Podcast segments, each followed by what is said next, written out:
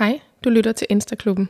Mit navn er Karina Kirstine. Jeg er meget fascineret af Instagram og alle de seje mennesker, man kan følge derinde. Derfor laver jeg den her podcast, hvor vi sammen kan møde alle dem, vi til hverdag går og spejler os i. Jeg synes, der er noget smukt ved, at nogle af dem, vi ser allermest op til, måske ikke længere er supermodeller eller store skuespillere, men ganske almindelige mennesker med ganske almindelige liv. Hej Miriam. Hej hej. Velkommen til. Tak skal du have. Jeg starter lige med at sige, at jeg i dag taler med Miriam, som har Miriams blog, hedder mm. din profil inde på Instagram. Nej, den hedder bare Miriam Poulsen. Den hedder Miriam Poulsen, og bloggen der hedder Miriams blog. Det er Miriams blog. Det er også forvirrende. Ja. Okay, det var fordi, jeg startede med at følge dig i sin tid ja. på din blog. Ja. ja.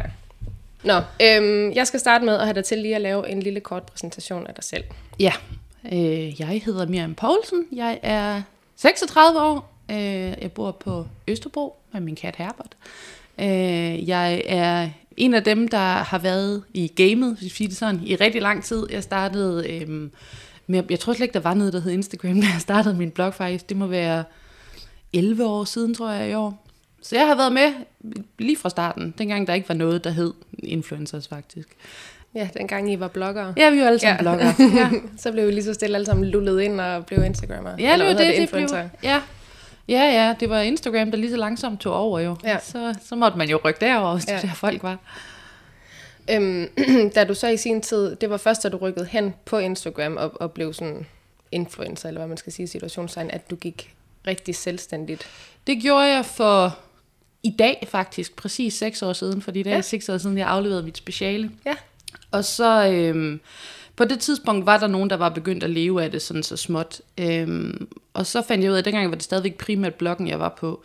Og så fandt jeg jo ud af, at som studerende havde jeg jo en masse tid til at passe den der blog. Og hvis mm. jeg skulle ud og have mig et fuldtidsarbejde, så ville der blive markant mindre tid til bloggen. Og det havde jeg ikke sådan voldsomt meget. Jeg havde ikke lyst til. Jeg var klar til at opgive den. Så jeg fandt ligesom ud af med mig selv, at, at der ligesom var øh, to muligheder. Den ene var, at jeg fik et, et job, med, der var relevant for min uddannelse, og så øh, øh, skar kraftigt ned på bloggen, og den anden var at forsøge at gå fuld tid med det. Ja. Øhm, og så tænkte jeg, hvad, jeg er vant til at leve på SU, det er ikke fordi, jeg, jeg kræver den store indsigt, for at det ligesom kan, kan løbe rundt. Så jeg tænkte, nu giver vi det et skud. Ja. Så har jeg gjort det lige siden. Og så er det så langsomt rykket mere. I lang tid var det jo sådan en kombination. I starten var det primært bloggen, jeg tjente penge på, så blev det bloggen og Instagram, og nu er det så primært Instagram. Ja, fordi du har også for nylig flyttet dine øh, famøse hemmeligheder med ja. over på Instagram. Ja, og det var simpelthen fordi, der var ikke rigtig...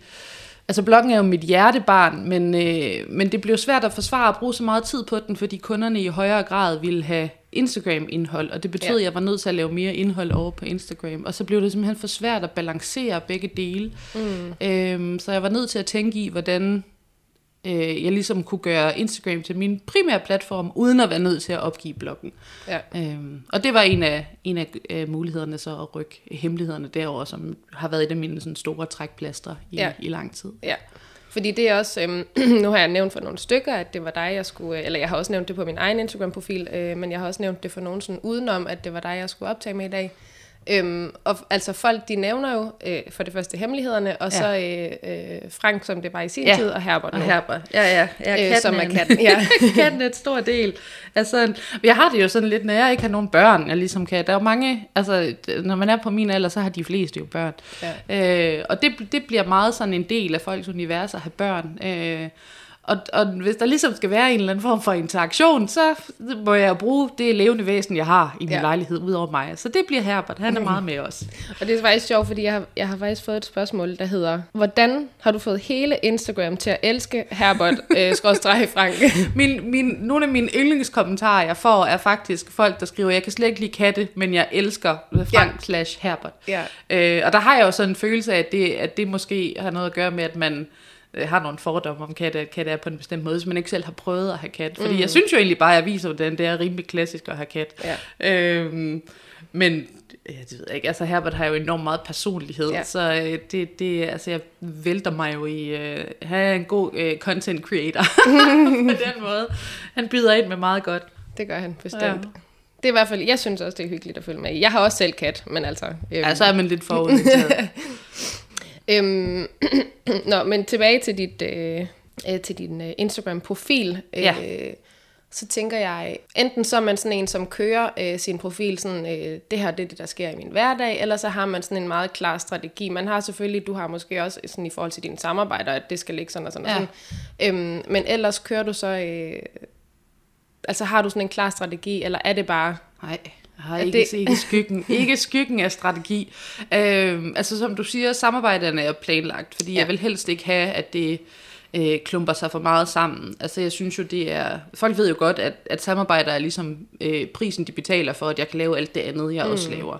Øhm, men jeg vil gerne have det sådan nogenlunde fordelt, sådan så at du ved, det kommer noget content, der ikke er sponsoreret, og så, du ved, med en mellemrum, øhm, er der noget øh, reklame også. Ja. Og en gang imellem, du ved, kommer det til at ligge lidt for tæt, øh, fordi altså kunderne har jo også nogle ønsker, og hvis det falder sammen med nogle kampagner, de har og sådan noget. Så en gang imellem ligger det lidt tættere, end jeg har lyst til, og så en gang imellem er der måske en periode, hvor der ikke er noget, hvor jeg godt kunne have haft lyst til at låne noget. Ja. Så jeg stræber sådan efter at finde en eller anden form for balance. Ja. Øh, så den del er planlagt, og så hemmelighederne kommer jo så om torsdagen. Alt ud over det er bare, hvad jeg lige føler for på ja. dagen. Ja. ja. Fordi der tænker jeg også lidt, du har nu, øh, jeg er jo sådan helt ny i at, at, at gå virkelig op i det her og sådan poste øh, ja. hvad hedder sådan noget, regelmæssigt. Og jeg prøver jo sådan at lægge en, øh, en strategi for, altså ikke, en, altså ikke så meget, det er ikke ind i et schema, og sådan, men hvad skal sådan nogenlunde ske, og hvad, ja. skal jeg, hvad skal jeg fokusere på for sådan ligesom at komme videre og sådan. Og der har du jo måske en fordel i og med, at du har været i det her ja. game så længe, du har en stor følgerskar, sådan, og du blev sådan i sin tid, dengang vi alle sammen oprettede vores Instagram-profil, er du måske sådan blevet... Der fik jeg et gratis boost. ja, fra din blog af. ja, ja. ja, det gjorde jeg ikke tvivl om det. Øhm, så, så det er måske lidt nemmere i situationstegn sådan at være Ja, ja, det ingen der... tvivl om det. Altså, altså man kan sige, jeg tror, det er nødvendigt med en strategi, hvis man sådan starter fra bunden og tænker, jeg vil gerne have en masse følgere, og jeg vil måske gerne på sigt leve af det her. Mm. Det er svært at få folks opmærksomhed. Det var det også i sin tid, mm. øh, da man havde en blog. Måske endda sværere på blogs, fordi at, du ved, der var ikke noget, der hed hashtags, og folk, der taggede en, eller Nej. måske link til nogen. Øhm, men det er rigtig, rigtig svært at starte op helt fra bunden. Øhm, og der kan det være en fordel, hvis man har en ret tydelig profil, sådan så når folk klikker sig ind, at de bliver meget sådan, det er det her, jeg får her. Ja, lige præcis. Ja. Øhm, og der er jeg, har jeg jo en sindssygt diffus profil. Ja. Altså der er ingen, øh, altså ikke noget, der giver mening derinde. Der er ingen strategi, der er ingen sådan tydeligt tema. Det er bare sådan i, i øst og vest. Ja. Øhm, og det er nogle gange en fordel. Det er en fordel for de faste følgere, fordi de får lidt af hvert. Det kan godt være en ulempe, hvis jeg gerne vil have nye følgere, mm. fordi de netop kommer ind og tænker, hvad fuck er det her? Ja. Øhm, Ja, ja, det er jo lidt skørt, fordi at man vil jo gerne, du er jo en person, du er jo dig, så ja. du afspejler jo bare dig. Ja. Øhm, men, men som du siger, man bliver nødt til for nogle nye, og sådan ligesom have et eller andet at trække på. Ja. Og, øh, og de kender dig jo ikke fra start af, Nej, hvis de det. ikke er kendt med dig. Det så, det. Øh, ja. det er det der med sådan, at, øh, at det på mange måder bliver at skulle sælge sig selv. Ja. Øh, og samtidig kan man jo ikke, altså jeg kan jo ikke lave mit indhold med det øh, fokus, at nye, der, der, der kommer ind, at de får lyst til at blive, eller det vil jeg måske i princippet godt kunne, men det vil blive meget sådan Altså det vil kræve, at hver gang jeg poster Herbert, så skal jeg præsentere Herbert. Mm, eller hver ja. gang jeg du ved, skriver om noget, som alle andre ved i forvejen, hvis jeg så skal præsentere det for, øh, forfra, ja. så bliver det jo bare gentagelser og gentagelser ja. og gentagelser. Øh, så man er nødt til, eller jeg prioriterer i hvert fald, at lave indhold øh, til, til dem, der kender mig. Ja. Øh, og så håber jeg jo, at der er nogen, der, der kommer ind og tænker, okay, altså, det er underligt, men, det er, ja, men, men måske er det meget sjovt. Ja. Ja. Hvad tænker du sådan øh, i forhold til, øh, nu deler du jo øh, øh, din hverdag og hvad der sker, sådan, men, men har du, altså, tænker du nogle gange over, hvordan du ytrer dig, fordi folk har jo meninger. Ja, ja det gør jeg. Øh, meget mere nu, end jeg har gjort før i tiden. Ja. Øhm, der, der er mange af de sådan helt gamle, der sådan synes, jeg har mistet min kant, og det vil jeg sådan set give dem ret i. Øh, og der er vi jo i en situation, hvor jeg har øh, nogle andre oplevelser, end de har. Øh, der er jo en grund til, at jeg... Altså man kan godt blive træt af, det er et meget sarkastisk menneske, jeg kan godt nogle gange blive træt af, hvis man siger noget sarkastisk, og så er der nogen, der tror, jeg mener det alvorligt, ja. og så skal man ud i en, i en lang snak med dem, hvor man forklarer, mm, det mente jeg ikke alvorligt, det var en joke. Og det var en du kan jo heller ikke forklare dig selv hele tiden. Og det er jo det, man lidt ja. kommer til, ja. øhm, hvis man er... Øh, på den måde, fordi der er folk, der ikke kender en så mm. godt, og der er folk, der måske ikke helt, du ved, fanger ens humor, eller, eller ved, hvad man står for, hvad ens værdier er, og så er det nemt at blive misforstået. Ja. Øhm, og der er det altså nemmere på forkant at være lidt sådan varsom med sine formuleringer, mm. sådan så man ikke ufrivilligt får pisset nogen af. Ja. Øh, ikke fordi, at jeg bliver generet af det øh, som sådan. Øh, altså, jeg bliver, ikke, jeg bliver ikke ked af det, når nogen misforstår mig og, og tænker noget om mig, fordi det ved jeg godt ikke er rigtigt. Men det er enormt tidskrævende. Mm. Øh, og det er, når jeg bryder mig heller ikke om sådan at være i sådan en, en en i gåsøjne fjendtlig dialog. Nej. Øh, altså det er ikke særlig rart. Nej. Så, så, så man vil, altså det vil jeg gerne undgå, ja. og derfor er jeg nok blevet, blevet mere varsom med mine formuleringer. Ja. ja. Øhm, I henhold til det, så har du nogensinde slettet et opslag, fordi du simpelthen er blevet misforstået så meget, at du tænker, at det her, det, det er en ren misforståelse? Ja. Mm, det tror jeg ikke. Mm. Altså, at min strategi i de tilfælde, det er sket, fordi det er sket, øhm, har nok været at tage dialogen i stedet for. Ja. Øhm, og der kan godt komme et punkt, hvor man ligesom er sådan lidt, nu har jeg forklaret mig, og du kan eller vil ikke forstå, hvad det er, jeg mener. Øh, og der er også nogen, der bare sådan, de vil bare gerne være sure, ikke? Ja. Og så kan man godt sige, okay, nu har jeg prøvet, og det virkede ikke, og så må vi ligesom lade den ligge der. Men jeg tror ikke, at jeg nogensinde har slettet, ikke hvad jeg kan huske i hvert fald. Mm-hmm. Øh, men det kan godt være, altså enormt tidskrævende efterfølgende, altså at skulle have, fordi, fordi det tit er, folk har en tendens til ikke at læse de andre kommentarer i kommentarfeltet, så ja. derfor kan jeg godt ende med at have øh, den samme diskussion med måske 10 forskellige mennesker, som alle sammen siger det samme, og jeg siger det samme, og det kan godt tage enormt meget tid, og det bliver altså en lille smule udmattende i længden. Øh, men jeg vil hellere det, altså jeg gør et forsøg på at møde mennesker som mennesker, være sådan et, hey, du er en menneske, du har en holdning, du vil ja. gerne have en snak med mig, så gør jeg et forsøg på at tage en snak med dig. Ja. Hvordan er det egentlig, er der, øh, kommer der flest af sådan de der nu er vi lige inde på de der kommentarer, øh, fordi en gang imellem er de jo i, i feedet, men kommer de ikke helt sikkert mest i øh, DM? Jo, jo, jo, 100 procent. Problemet er jo, at, at altså det, det fede ved at have mange følgere er jo, at langt de fleste af dem følger mig jo, fordi de godt kan lide mig. Ja. Og langt de fleste af dem føler efterhånden, de kender mig. Mm. Så hvis man får en nederen kommentar i feed, så har man jo altså 20.000 ja. mennesker, der har ens ryg. Ja. Øh, og det bliver træls, tror jeg, for dem, der gerne vil sige noget negativt. så er det øhm, nemmere lige at... Så er det nemmere ja. at snige sig ind i DM, hjemme og, og, og sige noget øh, grimt direkte til mit ansigt, han har ja. sagt. Øh, jo, så helt sikkert, de er mest der. Det er de. Og de er også mest fra øh, øh, det, der i godsøjne hedder øh, falske profiler. Altså, ja. altså profiler, som ikke som har nogen har følgere, og ikke har nogen billeder, og ikke har noget information om, hvem de er. Nej. Som øh, udelukkende er oprettet for at være i et nederen. I, ja. ja, eller i, i hvert fald har, øh, gerne vil ytre sig, uden at det ligesom har øh, konsekvenser for deres privatperson. Ja. Nu er vi lige sådan inde i det her emne her, så, øhm, så vi fortsætter lige lidt i samme stil. Ligger du, har du nogensinde lagt øh, et billede eller et opslag sådan op, som du har været lidt usikker omkring? Ja, åh oh, shit, det sker tit. øh, det er især, når man er, når man lægger noget sårbart ja. op.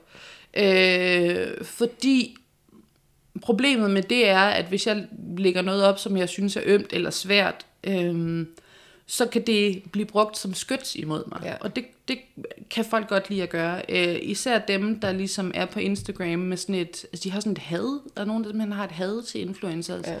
Ja. Øhm, og, og, og simpelthen stræber efter at sove dem. Øhm, og der øh, det bliver jo nemt at gøre så, hvis man ligesom altså vil an, angribe mit mentale helbred, eller, ja. øhm, eller mit, mit selvværd, eller, eller sådan noget. Øhm, og der er det klart, jo mere åben man er, jo, jo mere skyt giver man dem til at, ja. til at angribe en med. Øhm, og det er også derfor, tænker jeg, at der er rigtig mange, som er blevet mindre åbne med tiden, mm. og der er rigtig mange, der fra starten af beslutter sig for, at der er nogle ting her, jeg ikke vil dele. Altså ja. min profil skal være et, et glad sted, og det skal også være øh, du ved, et sted, jeg kan inspirere, eller et sted, jeg kan... Altså, mm. altså bevidst overfladisk, øh, ja. uden ligesom at få det til at virke som om, at man ikke har noget under overfladen, men den del beslutter man sig aktivt for, at man ikke vil dele, mm. øh, for simpelthen at beskytte sig selv. Det ja. tror jeg, der er rigtig mange, der gør. Ja. Men det kan jo modsat også give, øh, tit så, altså, ser jeg også, at du eller andre ligger sårbare ting op. Altså det giver jo modsat også rigtig, rigtig meget kærlighed. Det og, så, det. og så ved jeg godt, at selvfølgelig ja. dem, der sådan går hardcore efter dig, det formentlig gør rigtig ondt. Men altså, der kommer jo virkelig ja. også meget kærlighed Ja, fra. det gør der. Og det er jo grunden til, at man deler. Ja. Øhm, altså, og, de, og de positive øhm, er altid altså er sindssygt i overvægt i forhold til Ja. de negative. Det er der slet ingen tvivl om. Øh, der er bare det, at de negative selvfølgelig slår lidt hårdt, desværre.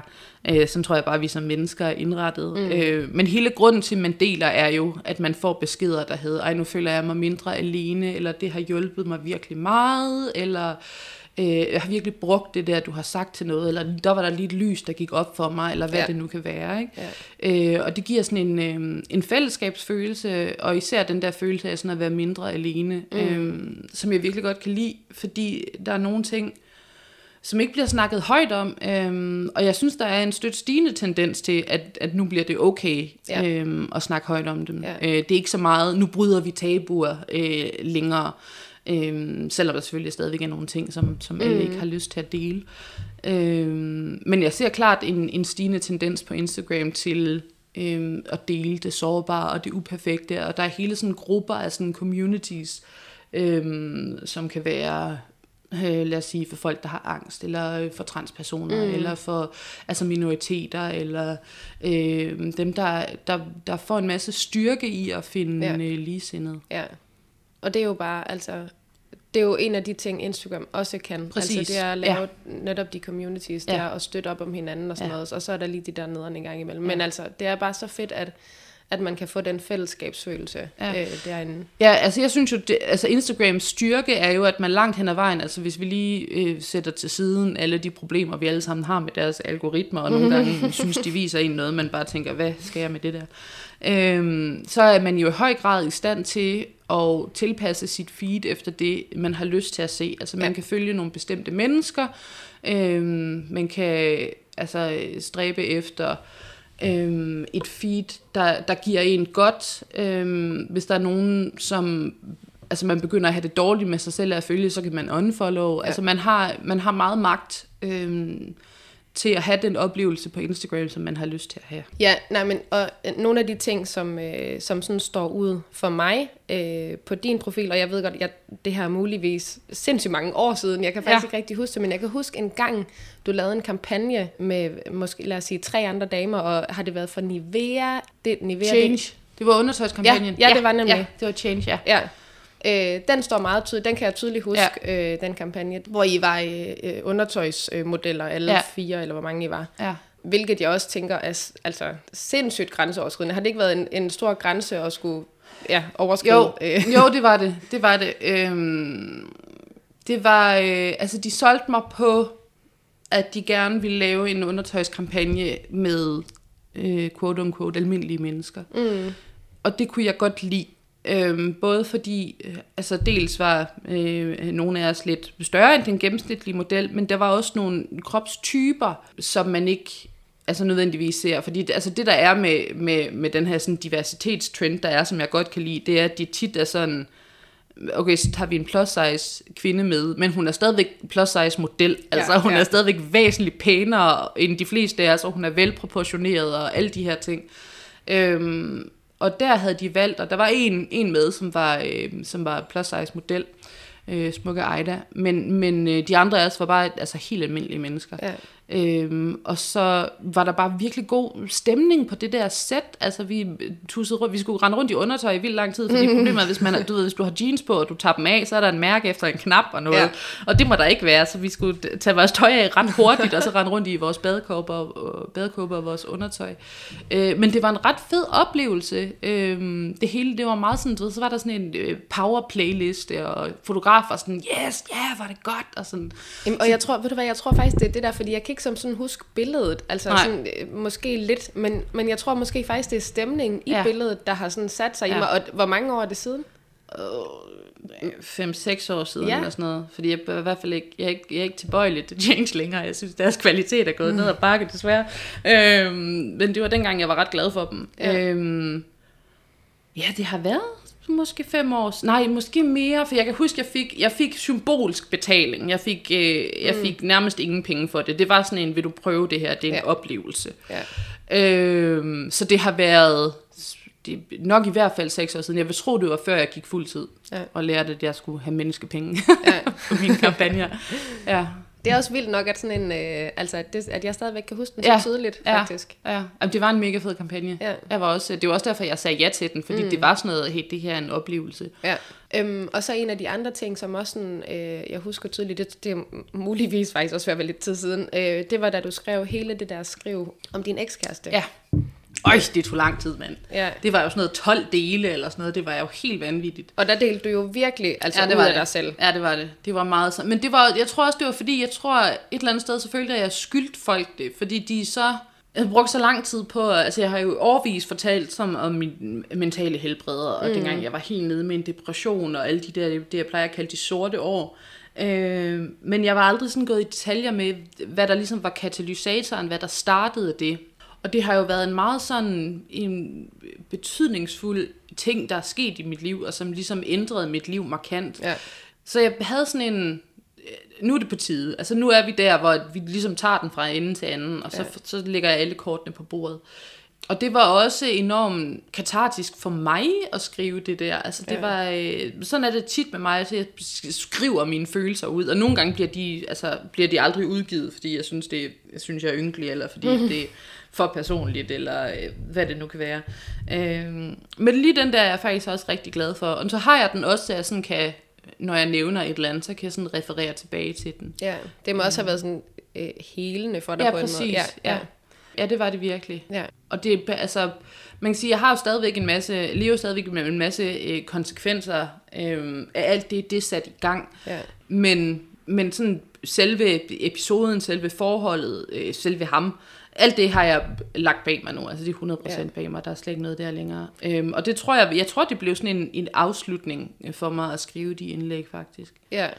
Kan du, kan du sådan, at det, kan du ikke lynhurtigt, men kan du sådan lige lynhurtigt fortælle øh, øh, historien, så folk lige ved, hvad vi snakker om? Øh, ja, altså da jeg var 21, fik jeg min, min første seriøse kæreste, og det var et, et øh, meget usundt forhold. Øhm, og jo længere jeg er kommet, jo mere ser jeg jo også, at jeg var overhovedet ikke uskyldig i det. Jeg anede ikke, hvordan man var i et forhold. Og jeg var meget umoden, men han tog den sådan lige next level. Han var sådan, du ved, han var lystløgner, lidt hverdagspsykopat. Han var typen, der havde en anden kæreste samtidig med mig. Og, øh, det var noget lort med noget lort på.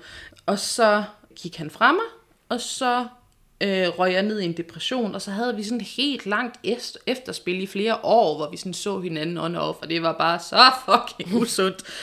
Ja, men jeg røg ned i den der depression, og den havde jeg utrolig svært ved at komme op af igen. Øhm, det var hele min, hele min studietid, øhm, hvor jeg bare var nede i et stort sort hul, og der var ikke noget, der sådan rigtig hjælp, og så fik jeg angst som følge sygdom, og du ved, jeg var i behandling 25 forskellige steder, og jeg brugte bare al min energi på at prøve at holde mig selv i live. Det var virkelig nedtur. Øhm, ja, så det snakker jeg en del om, fordi det var sådan noget 10 år. Øhm, så det har jeg selvfølgelig fyldt enormt meget i mit liv, og jeg har nogle, øhm, permanent, altså mit nervesystem er permanent fucked efter det. Så jeg har en masse sådan konsekvenser, både øh, fysiske og psykiske, som jeg stadigvæk øh, døjer med på bagkant.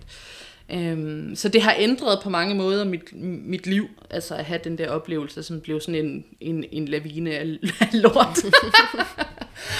øh, ja. Ja. Men du er mere eller mindre ude på den anden side. ja, det vil jeg sige. Ja. Altså, jeg har som sagt nogle, nogle permanente konsekvenser, Ja. men jeg plejer jo altid at sige, altså hvis jeg sammenligner med, hvordan jeg havde det, da det ligesom var værst, øhm, så kan jeg ikke gøre andet end at juble Nej. øhm, over, hvor jeg er henne nu. Nej. Øh, vi var en lille smule inde på det, øh, men måske sådan lidt mere i den lette ende i forhold til, øh, hvor forfængelig du er, når du lægger opslag op. Ja. Øh, mere end folk tror, mm. tror jeg. Øh, fordi jeg har sådan et udtryk, øh, eller jeg, sådan, jeg stræber efter at være, du ved, alle aspekter af mig. Øh, og folk får mig jo at se uden makeup og med morgenhår og med tømmermænd og ja. alt det der generer mig overhovedet ikke. Når det er et billede, er jeg af en eller anden grund en lille smule mere kredsen. Altså jeg, jeg øver mig sådan i øh, at være ligeglad. ja. Det går ikke altid fremragende, vil jeg sige. Øh, men jeg er helt sikkert, jeg går helt sikkert mindre op i det, end mange andre gør. Altså, jeg redigerer, altså den mængde, jeg redigerer mine billeder, er det, man kan gøre i Instagrams egen mm, app. Jeg har ja. ikke en redigeringsapp ud over det.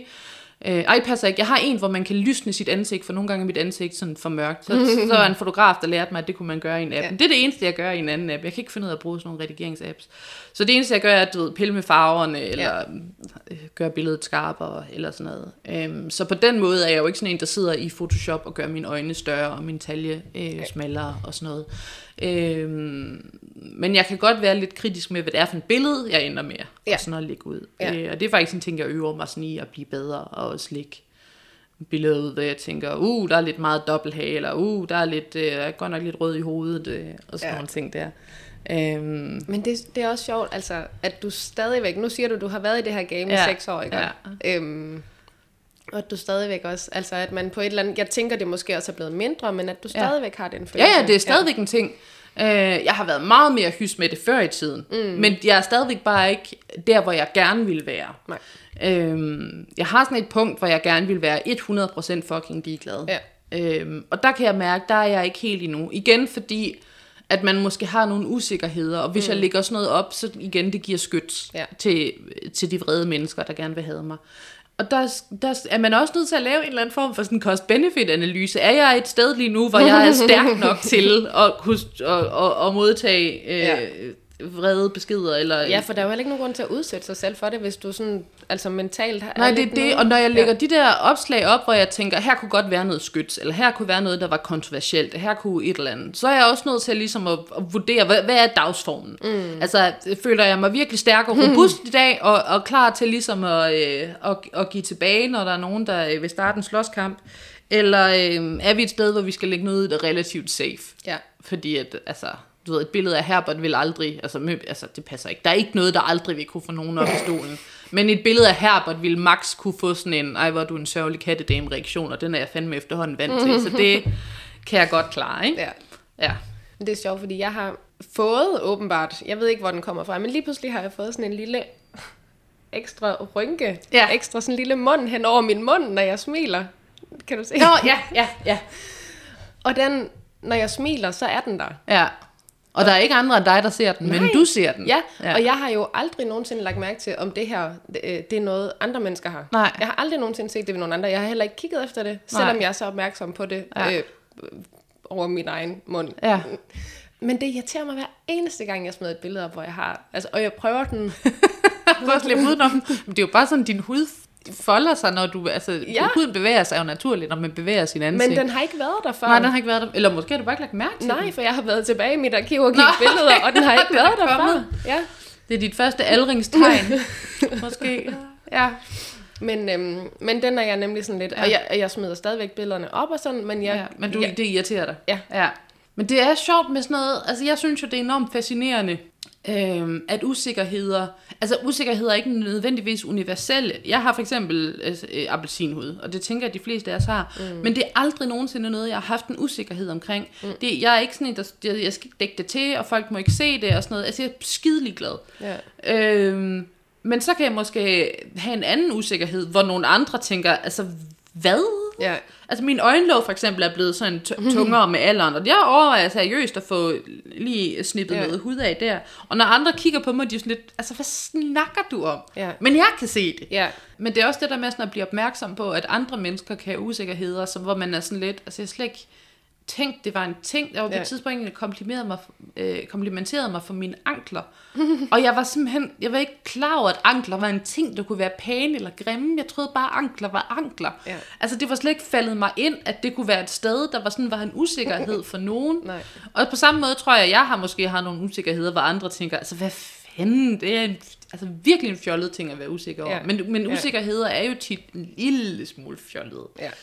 Øh, sådan objektivt set, men mm. altså, følelser er jo følelser, det er de jo ligeglade med. Ja. Øh, hvornår oplever du, at du får mest øh, kærlighed fra Instagram? Det har vi også været en lille ja. smule inden over. Øh. Jamen det er, og det er sjovt, fordi det er to tilfælde. For det første er det, når man deler noget, hvor folk virkelig får en fornemmelse af, at her er jeg sårbar, og det kan måske være svært for mig at dele, eller mm. man bliver sådan nervøs eller usikker, fordi man er bange for reaktionen. Ja. Og især hvis det er noget, som mennesker kan relatere til, altså en af de der ting, som man måske ikke nødvendigvis snakker så højt om, ja. der, der er reaktionen altid utrolig overvældende. Og den anden ting er, når folk er ledvige, så, så er, sidder der, og det elsker jeg virkelig mennesker for, så, så sidder der bare sådan en kæmpe gruppe mennesker, som føler, at det er deres ansvar at komme med en modreaktion. Ja. Øhm, så hvis jeg er virkelig ked af det, hvis jeg har det virkelig dårligt, øhm, og det er rigtig tit, jeg ikke, jeg ikke deler det, fordi at, igen, altså hvis jeg er et virkelig sårbart sted, Ja. så skal jeg, altså så deler jeg ikke noget, der på nogen måde altså kan have en negativ reaktion tit, mm. fordi at det er sådan lidt, det, jeg, har, jeg er ikke et sted, hvor jeg kan stå imod. Øh, men en gang imellem tænker jeg også, prøv, det er også vigtigt at dele sådan noget her. Mm. Øhm, og så kan jeg godt finde på at dele det. Øhm, og det kan være, altså hvis jeg er lagt ned af et angstanfald, eller det kan være, hvis nogen har skrevet noget rigtig grimt, øh, sådan virkelig personligt, hvor de mm. virkelig er gået efter struben, øhm, som virkelig har gjort ondt. Det kan jeg også godt finde på at dele. Og så kan du virkelig være sikker på, at så er der love storm. Ja. Og det er en vanvittig følelse, øhm, som jeg ville ønske for alle, at de fik lov til at opleve på et tidspunkt i deres liv. Det er, det er fuldstændig vanvittigt, hvor mange nice mennesker der er, og det er så dejligt at blive mindet om det, især Ja. hvis, det, hvis man sidder i sådan en situation, hvor man tænker, hvorfor er jeg på Instagram, folk Ja. er så lede, Ja. og så opleve, at det er langt de fleste virkelig ikke. Nej. Der sidder virkelig nogle mennesker derude, der har min ryg, som jeg aldrig nogensinde har mødt. Det er fuldstændig vanvittigt. Ej, hvor dejligt. Ja. Der må vi lige her, fordi jeg regner med den her podcast, dem der hører dem, det er typisk dem, som vil følge øh, influenter. Ja. Og, og støtte op om den. Så der må vi lige her i plenum sige uh, tusind tak, ja, fordi for så, helvede. Øh, det, det er dem, der gør forskellen. Ja. Det, det, er dem, det er dem, man gør det for, kan man Ja. sige. Man gør det også lidt for sig selv. Ellers så er man et sørgeligt menneske. Eller nej, det ved jeg ikke. Jeg synes, det, jeg synes, det er et ærgerligt job at have, hvis man kun gør det for... Altså, man skal nyde det også. Ikke? Mm. Øhm, jeg synes, man kan mærke på folk, når de ligesom har mistet gejsten og gået over til at gøre det for pengenes skyld. Ja. Øhm, og jeg kan godt forstå, at folk ender der. Men det, det er klart det bedste, hvis man gør det. Det er jo sådan, der, det stræber jo efter at have... Altså, jeg kan, jeg kan virkelig godt lide, når folk beskriver mig som en online veninde. Ja. Altså, det er jo det forhold, jeg gerne vil have mine, til mine følgere. Jeg vil gerne have et, et, sådan, et personligt forhold til Ja. dem. Og der er jo mange af dem, jeg sådan en gang imellem... Altså dem, der sådan... Der er jo forskel på, om folk ligesom er aktive eller ikke er aktive, mm. altså om de kommenterer, om de skriver til mig og sådan noget. Men, men dem, der sådan er mest aktive, føler jeg jo også, jeg kender. Ja. Øh, og, men mit problem bliver, at der er så mange navne, de kan være svære at finde rundt i, så jeg tit så kender jeg folk på deres profilbilleder. Når de skifter deres profilbilleder, bliver jeg helt vildt forvirret. Fordi man midt i en samtale med nogen, og så får man en besked, lidt, det, hvad, hvad, hvem er du? Hvad sker der her? Så er jeg nødt til at skåle op. Nå, det er dig. Okay, Ah, yes, okay. jeg er med igen. Ja. Sjovt. Det der med, at, at folk er veninder med dig, altså folk, som du ikke Ja. kender, er på et eller andet punkt mm. veninder med dig. Altså især dem, der følger dig sådan meget tæt og Ja. kommenterer ofte Ja. og skriver til dig ofte og sådan noget. Og de skriver måske også, det ved jeg ikke, men, men altså jeg kunne forestille mig, at de en gang imellem skriver og spørger dig til råds, Ja, eller ja. altså... Jeg får mange af sådan nogle, jeg føler, jeg kender dig, men du er stadigvæk et objektivt menneske. Altså, Ja. du, fordi du kender ikke til mit liv. Ja. Så jeg får mange sådan nogle, jeg er i krise med min kæreste, eller jeg ved ikke, hvilket studie jeg skal søge ind på. Ja. Eller, øhm, og det bliver jeg enormt, dem får jeg også, dem får jeg tit på e-mail faktisk. Ja. Øhm, fordi det tit er meget lange beskeder, Ja. hvor det er sådan lidt, nu skal jeg lige sætte dig ind i min livssituation, før du kan tage stilling til noget.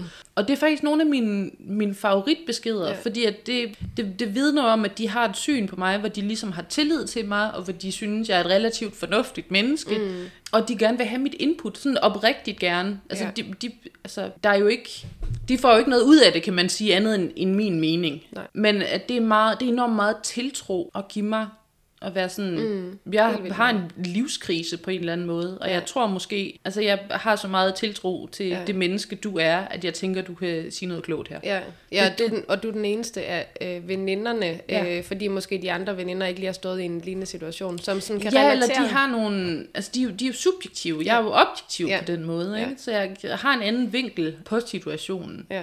på en eller anden måde. Øhm, Ja, det er men- lidt, lidt, måske en lille smule som at snakke med en øh, psykolog. Ja, jeg bliver lidt ja. psykolog der, ja. øhm, på meget lægemandsmåden. Ja. Men det bliver, det, altså det, det, det bliver jeg altid utrolig oprigtigt glad over. Altså Ja. ja. jeg synes, det er enormt meget tillid at Det vise mig. godt. Ja. Det er også, jeg kunne forestille mig, ret mig hvis jeg tager fejl, men jeg kunne forestille mig, at det også er nemmere for dig, og sådan, øh, selvfølgelig ved du igen, at der sidder nogle af dem der, som kun øh, er der for at sige nogle negative ting, men, men at det også er nemmere for dig at sige sådan ud i øh, verden, at når du skal dele dine sårbare ting, fordi du ikke kender dem, Ja, ikke? jo, jo, jo. Ja. Altså, der er altså, jeg skriver jo ting på min blog og siger ting på min Instagram, som jeg ikke har du ved, fortalt til min familie eller Ja. til mine venner. Det er meget nemmere. Ja. Det er meget nemmere. Især blogindlæg har tit, fordi man, man kan sådan, du ved, der, der er noget med at sidde og nørkle med formuleringer og sådan, der er, hvor man virkelig sådan får, får bearbejdet sine følelser på en eller anden måde. Og nogle gange føles det som om, at du ved, ting, der sidder fast i mit hoved, hvis jeg får dem ud på skrift, så Ja. forsvinder de lige så stille. Ja. Så det giver mig enormt meget at dele. Og det er klart nemmere, når det er til mennesker, som ikke... Især hvis det sådan er...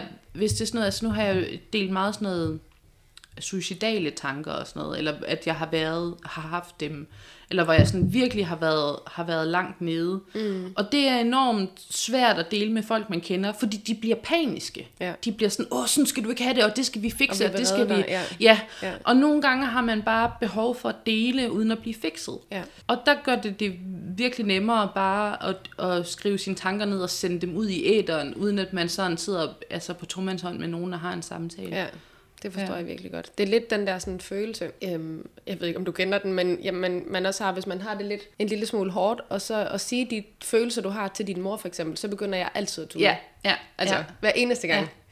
Ja. Men igen, altså hvis jeg nu skulle sidde og fortælle dig det nu, så kunne det godt være, at jeg havde en anden følelse omkring Ja. det. Øhm, Jamen, det er, en, det Ja. er en anden oplevelse af at dele, ja. Man ligesom får ud af det. Og jeg kan virkelig godt, altså den giver mig noget, som, den, den giver mulighed for at læse af, uden, man, altså det er nemmere på en eller anden måde at distancere sig fra Ja. følelserne, mens man, man Ja. deler dem. ja. Det, det gør det bare muligt at bearbejde dem på en anden måde, fordi man ikke sådan skal tage et personligt forhold øh, og smide ind i ligningen samtidig. ja. Øhm, hvis vi så lige vender skuden lidt, hvad får så dig til at øh, følge andre mennesker på, øh, på Instagram? Jamen, jeg har forskellige... Jeg kan se på det hele, at, at, at min sådan Insta-smag stikker i forskellige Ja. retninger. Altså, vi har selvfølgelig...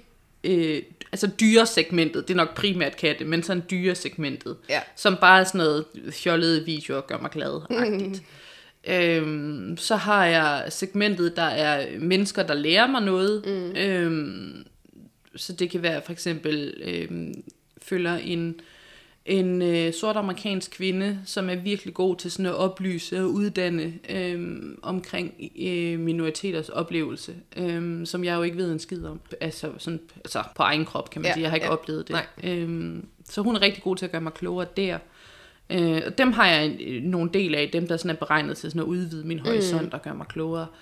Så er der selvfølgelig øh, venner og familie. Og så følger jeg selvfølgelig også enormt mange øh, influencers. Ja. Øh, men der bliver jeg, hvis jeg ikke kender dem personligt i hvert fald, øh, der bliver jeg en lille smule kredsen. Øh, fordi, altså min regel nummer et er, at jeg vil ikke følge nogen, der ikke giver mig noget godt. Nej. Altså hvis jeg følger din profil og får det dårligt med mig selv, mm. så skal jeg ikke følge dig. Øhm, Det burde, være, det burde faktisk bare være en gængs regel. Ja, Ja. ja. Øhm, og det er der, jeg oplever jo også, at- at nogle af dem, der bliver sure på mig, eller sådan er begyndt at hade mig, er tit folk, der godt kunne lide mig engang. Mm. Og så har de fulgt mig øh, for lang tid simpelthen. Altså de er nået til et punkt, hvor jeg har begyndt at irritere dem en lille smule. Og i stedet for at unfollow der, så de blevet, de bliver ved med at følge mig. Ja. Og så bliver de mere og mere irriteret, indtil de til sidst bare hader mig. øhm, og det synes jeg jo er en lidt ærgerlig tendens, og jeg vil da ønske, at folk aldrig blev irriteret over mig, eller, eller, eller ligesom nåede til det punkt, hvor de bare fik nok af mig. Men hvis man når det punkt, så unfollow. Ja, for guds skyld. Ja, ja. Øh, for det gør, giver ikke nogen af os noget godt. Nej. Øhm, ja, så jeg, jeg går meget efter dem, der viser øh, flere aspekter af livet. Jeg er ikke så meget til, jeg bruger jo ikke Instagram for æstetik. Det er der jo mange, der gør. Mm-hmm. Altså, de bruger det til bolig, og de bruger det til øh, øh, mode, og de bruger det til sådan noget. Det gør jeg ikke. Mm-hmm. Jeg stræber meget efter dem, der sådan er ærlige. Meget efter dem, der bare viser sådan øh, glad hverdagsindhold. Ja. Fjollede reels. Øhm, jeg vil gerne blive glad af at være på Instagram. Ja. Så jeg forsøger sådan en balance, der hedder måske 80% øhm, det her bliver du glad af, og 20% øh, det her bliver du klogere af, eller det her siger noget alvorligt, eller Ja. det her du ved, noget lidt dybere. Ja. Øhm, og det er også lidt den balance, jeg forsøger selv at have på min profil. Ja. Jeg vil gerne sige, eller gøre et forsøg på i hvert fald at sige noget klogt en gang imellem, men mestendels skal det være let underholdning. Ja. Fordi Instagram er ikke, eller jeg bruger i hvert fald ikke Instagram til at, at, at sætte mig ned og blive rørt, eller øh, tude, eller et eller andet. Altså Instagram er jo ikke et medie, der er designet til, at du bliver på et post i 20 minutter for eksempel. Mm. Altså Instagram er jo virkelig scroll-baseret. Ja. Øhm, så det er svært at komme i dybden på Instagram. Ja, men jeg tænker altså, det du siger der, som vi også lige talte om, at det, det burde virkelig bare være en regel, at man skal unfollow Ja. dem, som gør en Ja. ked af det, eller sure, eller Og det bedste er nu, at der er kommet en, øhm, der er kommet en skjul-knap. Fordi før i tiden var den eneste måde, man kunne holde op med at se folk i sit feed, var at unfollow. Ja. Og det betød jo, at der er jo nogle folk, som man ikke kan unfollow af den ene eller anden. Måske din mor. Hvordan tror du, din mor ville reagere, hvis altså, du havde sådan en MC-mor, der ville blive helt vildt sur over, at du unfollowede hende på Instagram. Så kan du trykke skjul nu. Ja. Så du stadigvæk i princippet følger dem. Ja, men du men du bare ikke får ikke det. deres ting i Ja. dit feed. Og det Ja. synes jeg simpelthen er den mest geniale funktion i verden. At, at jeg skal slet ikke være bleg for at sige, at jeg har brugt den på adskillige mennesker, Ja. som virkelig sådan har altså, gjort mig... Også bare nogen, der sådan, altså, gør mig ægte sur over mm. de ting, de deler. Sådan, jeg er virkelig, virkelig uenig med dig, og jeg bliver faktisk i dårligt humør Ja. af at, at se eller høre de ting, Ja. du siger og gør. Og, og, men jeg kan ikke unfollow dig, fordi et eller andet. Ja. Ja, jeg er virkelig glad for, at der er kommet den funktion faktisk. Men mest en del så er det jo, altså for det meste har man jo frivillige. Jeg har bare sådan nogle gange, at dramaet bare ikke det værd at trykke unfollow, altså. Nej, lige præcis. Hvad har du fået ud af, det er måske et lidt stort spørgsmål, hvad har du fået ud af Instagram? Sådan, altså, øhm, jeg tænker, du har selvfølgelig har fået en masse fede kollegaer, en masse Ja. fede samarbejder, alt sådan noget, men hvad, havde- hvad øhm, hvis du sådan skulle sige en, altså sådan en rigtig god ting, du har fået ud af at være influencer? Altså for mig er den, den, den største for, øh, fordel er, at jeg kan få lov til at leve af noget, jeg virkelig godt kan lide. Ja. Øh, uden tvivl. Øh, og Instagram har også givet mig øh, mulighed for at blive ved med at skrive. Øh, jeg prøvede på et tidspunkt, lå min blog lige kortvarigt hos et magasin, øh, og jeg skulle skrive en klumme for dem. Og jeg skrev klummen, og jeg synes, den var virkelig god, og den kom ind til en redaktør, og hun rev den fra hinanden. og jeg blev så ked af det.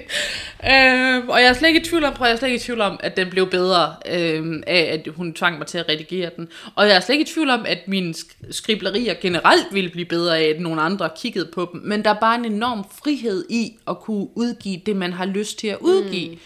Altså det, jeg har lyst til. Øh, og så er der nogen, der synes, nogle gange udgiver jeg noget, som nogen synes er åndssvagt, og nogle gange udgiver jeg noget, som nogen ikke forstår. Og det, men det er mig, der har 100% øhm, kontrollen over, hvad jeg udgiver, og det er en kæmpe frihed. Det, og så det der med, at jeg kan planlægge øh, mine dage efter, hvornår jeg, øh, som sagt, har jeg nogle lidt sådan helbreds øh, ting, så hvis jeg har en dag, hvor jeg bare er fuldstændig flad, så har jeg som regel mulighed for måske at skubbe det til dagen efter. Mm. Jeg har mulighed for at arbejde fra min seng. Det gør jeg rigtig tit, når jeg er flad. Ja. Øhm, jeg har mulighed for at have et job. Øhm, min læge er meget overbevist om, at øh, det der med et, et min fuldtidsjob, det kan jeg godt skyde en hvid pind efter. Så det giver mig en mulighed for ikke at du ved, leve af kommunen, Ja. øhm, tjene mine egne penge. Det er, øhm, altså, det er simpelthen en øh, gave, der er væltet ned i skødet på mig. Altså, jeg havde virkelig den, den, øh, den rigtige timing der Ja. i forhold til det hele. Ja. Øhm, så det er virkelig en lifesaver. Øh, der, jeg vil ikke sige, at der ikke er en negativ ting ved det, for det er der selvfølgelig. En, de mennesker, der er sure, og øhm, når man, hvis der er en kampagne, der ikke klarer sig godt, og så skal ja. man deal med en skuffet kunde, eller nogle gange kommer der ikke så meget mange penge i kassen, som man kunne ønske, der gjorde, men sådan overordnet set, at det er jo et kæmpe win-arbejde at have, altså. Det er også, altså, jeg tænker også umiddelbart, at det kunne, altså, det kunne være det perfekte job i forhold til, altså, jeg har to børn, og vi vil gerne, jeg vil gerne bruge så meget tid med dem som muligt, og alt sådan nogle ting. Jeg vil bare være bange for, at jeg ikke er, hvad hedder sådan noget, hårdhudet nok ja. Til at, øh, ja. At kunne modstå. Ja, det kan jeg virkelig godt forstå. Ja. Og jeg tror også, mange af dem, øh, der ender med at bakke ud, gør det, fordi det simpelthen er for hårdt mm. øh, mentalt. Ja. Og det er også derfor, jeg er... Før i tiden var jeg, havde jeg flere sådan en debatindlæg og sådan tungere indlæg og altså, moralske, jeg vil gerne prædike noget og snakke om ting, der er galt i samfundet og sådan noget.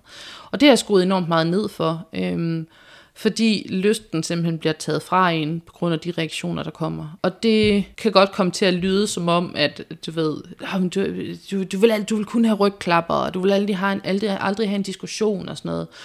Og selvfølgelig skal der være plads til uenigheder, men som sagt, hvis jeg sidder en person og har en diskussion med 10 mennesker, hvis jeg, altså før i tiden regnede jeg med, at når jeg udgav et blogindlæg, som var et debatblogindlæg, så skulle jeg bruge de næste 48 timer nærmest nonstop i mit kommentarfelt. Og det, altså det blev udmattende. Ja. Øhm, og, og, og være i, i diskussion med nogen ja. i to døgn i streg. Altså, som det ville for alle. Ja. Jeg tænker ligegyldigt, hvad for en slags job du har, så går du ikke at diskutere med Nej, folk nej, dagen er lang det. på dit arbejde. Øhm, og det blev... Øhm, altså jeg synes ikke, at jeg, jeg blev enig med mig selv, simpelthen, jeg synes ikke, det er rart. Jeg trives ikke i at være midt i en diskussion. Nej. Øh, jeg er enormt konfliktsky, så det, det, det gjorde jeg, at det blev træls. Altså mm. det blev sådan, hver gang jeg skulle tjekke mit kommentarfelt, så bankede mit hjerte først lidt, åh, hvad er der nu nogen, der har sagt? Ja. Og så gik det op for mig, at jeg også kunne, du ved, så kunne jeg jo skrive nogle andre ting, som, Ja. jeg, som ikke behøvede at, at resultere i en anelse lang diskussion med fremmede mennesker Ja. øh, på internettet. Ja. Så jeg har klart skruet ned for den del, øhm, fordi det giver mig mulighed for at lave mere af det, som jeg synes er fedt, uden så mange af de der sådan negative øh, Ja. ja. ting, der kan følge med. Ja, det forstår jeg godt. Lige her til sidst, så, øhm, for vi skal faktisk til at slutte tiden, den løber jo afsted. Ja, det gør den gerne. Der er gået en kat på din øh, rygsæk. Han er blevet modig nok til at komme ind og sige hej nu. Ja, ja. Nå, ja, vi har jo øh, haft det ene spørgsmål, men jeg vil gerne lige have nogle lytterspørgsmål Yes. med, fordi det tænker jeg sådan, Bring kommer til at være et lidt fast segment, at vi lige tager et par stykker. Og det kan nok ikke komme som nogen overraskelse, men øh, folk de øh, er jo vilde med dine hemmeligheder, så de Ja. vil gerne vide, hvad er den vildeste hemmelighed? Åh, det spørgsmål Hvis- får jeg tit. Mm. Øhm, den, åh, det kommer lidt an på, hvem man er jo. Hver, nærmest hver eneste uge er der nogen, der kommenterer nedenunder, og de vil den her uge. Ja, de er også Og bare det- vilde hver uge. Men, men det synes jeg altså, reflekterer meget fint, at noget, nogen synes er vilde, er Ja. ikke noget, nogen andre synes er vilde. Ja. For mig vil jeg jo altid synes, at de vilde dem, der siger, nu har jeg droppet mine p-piller, øhm, min mand er ikke klar til at få børn, I don't give a fuck. Øh, ja. Dem synes jeg altid er, er virkelig grænseoverskridende. Øh, jeg havde en på et tidspunkt, der handlede om kongehuset, som jeg ikke må udgive af åbenlyse mm. årsager, men det er også super tease af mig så at snakke om den, men det tror jeg måske har været den vildeste, jeg har haft. Og så havde vi på et tidspunkt et, et frieri, det synes jeg også var ret vildt. Inden på en hemmelighed? Ja, inden på en Ej, hemmelighed. det kan jeg måske godt huske en lille Ja. smule. Der var en, der de, han skrev, at de læste, øhm, at de læste hemmelighederne sammen ja. øh, hver eneste uge, og det var så hyggeligt. Og Ej, så, men prøv lige at være med til at bidrage til sådan Ja. noget. Det er da også vildt. Det var så fint. Det var virkelig, virkelig fint. Generelt vil jeg sige, altså for mig bliver de vildeste, at hver, at det, som helhed bliver det vildeste, at hver eneste uge er utroskab en af de største omdrejningspunkter. Ja. Øh, og jeg udgiver selvfølgelig ikke dem alle sammen, for jeg vil gerne have sådan lidt variation i temaerne, men der er altid utroskab. Øh, og, og, og især dem, der sådan er, jeg er utro, og jeg har ikke dårlig samvittighed, kan Ja. ja. virkelig sådan få mit pis i kog. Ja. Øhm, og det, Ja. Tit er det folk, der bliver sure over nogle hemmeligheder, Ja. øhm, og så siger jeg til dem, det, det må I godt blive, men I skal ikke skrive det i kommentarfeltet, og så bliver de sure på mig. Og der får jeg altid lyst til at sige, tror du, jeg er enig i den her hemmelighed? Det er jo ikke mine. Nej, jeg udgiver ikke dem, jeg synes er fede. Nej, altså, jeg nej. udgiver det hele, ja. Jeg kan, jeg kan faktisk huske en, jeg ved heller ikke, hvorfor den lige, øh, hvorfor jeg husker den, for det tror jeg faktisk også er mega lang tid siden. Men det var bare sådan, igen det der med, hvor lede folk kan være ved hinanden. Det var, øhm, jeg mener, det var en, en kvinde, som hver gang hun var sur på sin kæreste, så tog hun lige hans tandbørste og kørte rundt i Ja, toiletkummen. dem har vi, vi har mange af dem der, når Ej. jeg er sur på min kæreste, så gør jeg det her. Der var også hende, der put, puttede kattepels på hans hovedpude, fordi han var allergisk Nej, over for katte altså- og sådan noget. Der er virkelig mange af sådan nogle, er eller putte mælk i hans mad. mennesker. Ja, ja, putte mælk i hans mad, fordi han er laktoseintolerant og sådan noget. Der er virkelig mange af sådan nogle, ja. Ja, Nå, øh, gå ind og læs de hemmeligheder, fordi der, er- I kan høre, der er mange vanvittige. ja, det er der virkelig. Øhm, ja, det er faktisk det, det sidste spørgsmål, øh, men øhm, om der er nogle samarbejder, som du, altså ikke du har haft, øh, men altså er der nogle samarbejder, som du bare sådan i det hele taget aldrig ville indgå? Altså jeg Ja, tænker ja, sådan noget ja, ja. spil, øh, og sådan noget. Ja, spilhalløj. Øh, ret sikker på, at Nubo kontaktede mig på et tidspunkt, hvor Ja. ja. jeg bare var sådan lidt, altså, fuck af. Altså, det kan jeg bare aldrig nogensinde finde på. Ja, bare jeres blotte eksistens driver Ja. ja. mig til vanvid, altså det skal jeg bare ikke. Nej. Øhm, der er rigtig mange ting, jeg siger nej til. Der er også nogle ting, jeg siger nej til, hvor jeg egentlig synes, konceptet er ret fint, men det passer ikke til mig. Nej. Øhm, det er ikke relevant for mig. Det er ikke noget, jeg vil bruge personligt. Så, så altså, more power til dem, der tager imod det, men det giver ikke mening for mig. Mm. Ja. og så er der, altså, ja, dem der, der bare sådan er helt, altså nej, jeg skal slet ikke. Jeg får relativt tit sådan nogle, der er mange sådan nogle udlandske virksomheder, der bare sender sådan en masse spam ja. mails ud med, du ind, må vi udgive et indlæg på din blog for x antal kroner, og så er det sådan noget, kommer og gamble alle dine penge væk. Nej, slet, nej det tror jeg ikke lige, vi skal. Uh, ja, så uh, gambling, uh, vægttab, uh, jeg kunne heller ikke finde på, jeg har snakket for eksempel om, at jeg uh, gerne vil til at have Botox. Øh, ja. Der var nogen, der troede, det var en joke. Det var det ikke. Mm. Øh, men det var en af de tilfælde, hvor jeg sandsynligvis godt ville kunne gå ned til en klinik og sige, hey, skal vi lave et ja. samarbejde? Og det har jeg ikke lyst til at gøre, fordi så føler jeg, at det bliver en... Når jeg reklamerer for noget, så opfordrer jeg jo nogen til at gøre mm. noget. Og jeg har det sådan lidt, jeg vil gerne vise jer min proces, jeg vil gerne fortælle om, jeg får det gjort. Ja. Jeg har ikke lyst til at gå ud og sige, det er bare pisse godt at få det gjort her, det synes jeg, I alle sammen skal Nej. gøre. For det bliver en meget sådan personlig beslutning, og det er ja. slet ikke noget, jeg har lyst til at opfordre folk til. Nej. Så den går også sådan over min, øh, min personlige grænse. Ja. Yeah. Men, men ellers er altså kravet øh, generelt bare, at du ved, det er noget, jeg sådan skal kunne se mig selv i, det er noget, jeg skal være rigtig glad for, det er ja. noget, jeg skal kunne hvile i. Altså fordi jeg, mit job er jo at være sælger, mm. øhm, så, så jeg skal kunne hvile i, at hvis jeg anbefaler folk at købe et produkt, at jeg så kan stå inden for, at det var noget, du ved, det er noget, jeg selv ja. vil købe, det er noget, hvor jeg har tiltro til, at du vil være tilfreds med dit køb. Ja. Altså, det er klart det, der er vigtigst Men det, jeg synes også, muligvis bare mit feed, der udstråler det, men jeg synes også, øh, at vi er kommet dertil, ja. hvor at influencer altså ja. reklamerer for det, de kan stå indenfor. Altså det er ikke bare sådan noget, jeg tager imod. Jeg tror, det kommer meget an på, hvad for nogle influencer ja. man følger. Altså ja. der er jo især, øh, uden at skære alle over en kamp, så er der jo hele reality-segmentet. Ja. Og det, der sk- tit sker, det er, at hvis du sådan bliver overnight famous, så bliver du lige pludselig fristet af, at nogen siger, ja. det her er 100.000 kroner, hvis du viser den her maskine, du sætter fast på din, mad, din, din, mad, din mave, og så får du øh, elektroshock, ja. og så giver vi dig en sixpack. Og det virker ikke, og det gør ondt, og det er pisse dyrt. Men ja. du ved, ja. det er rigtig mange penge, hvis man er vant til ikke at få nogle penge. Få, få nogle penge, ja. ja. ja. Så, så, så, så jeg oplever tit, og det t- samme sker rigtig meget øh, blandt mikroinfluencer, at de har en tendens til at sælge sig selv for billigt, fordi de tænker, jeg fik noget gratis, det er fedt. Men realiteten er, at hvis du får noget gratis at promovere, så skal du betale skat, altså fuld skat af markedsprisen. Hvis du mm. får et produkt til 400 kroner, så skal du betale knap 200 kroner i skat. Ja. Jeg ved ikke, om det er satsen, det er der sikkert nogen, der vil rette mig for. øh, men det kommer altså til at koste dig penge at lave reklame. Ja. Så måske lige tænke over det en ekstra gang. Ja, det synes jeg var lige afsluttende ja. ord. øhm, tusind tak Miriam, fordi du selv tak. Med. Og ej, ved du hvad, til allersidst, vi har været ja. inde på det, og, men du vi må gerne lige plukke dig selv. Ja, det gør vi. Hmm. Øh, så skal jeg forklare mit blognavn. Det der, er ikke, der er stadigvæk gang i bloggen, vil jeg sige. Jeg plejer jo at øh, sige det der med, at bloggen er død, eller det plejer jeg ikke at sige, men jeg har skruet ned for bloggen, men realiteten er, at jeg stadig blogger som regel to-tre gange om ugen, og det er jo faktisk stadigvæk altså, semi-ofte, vil jeg sige. Ja. Så Miriams blog med K, som min notesblog, træls, da jeg fandt på det, at nu skal jeg forklare navnet hver gang. Mirsblog.dk, og på Instagram hedder jeg Miriam Poulsen. Yes. Yes. Tak for i dag, og tak fordi I Selv tak. Hej.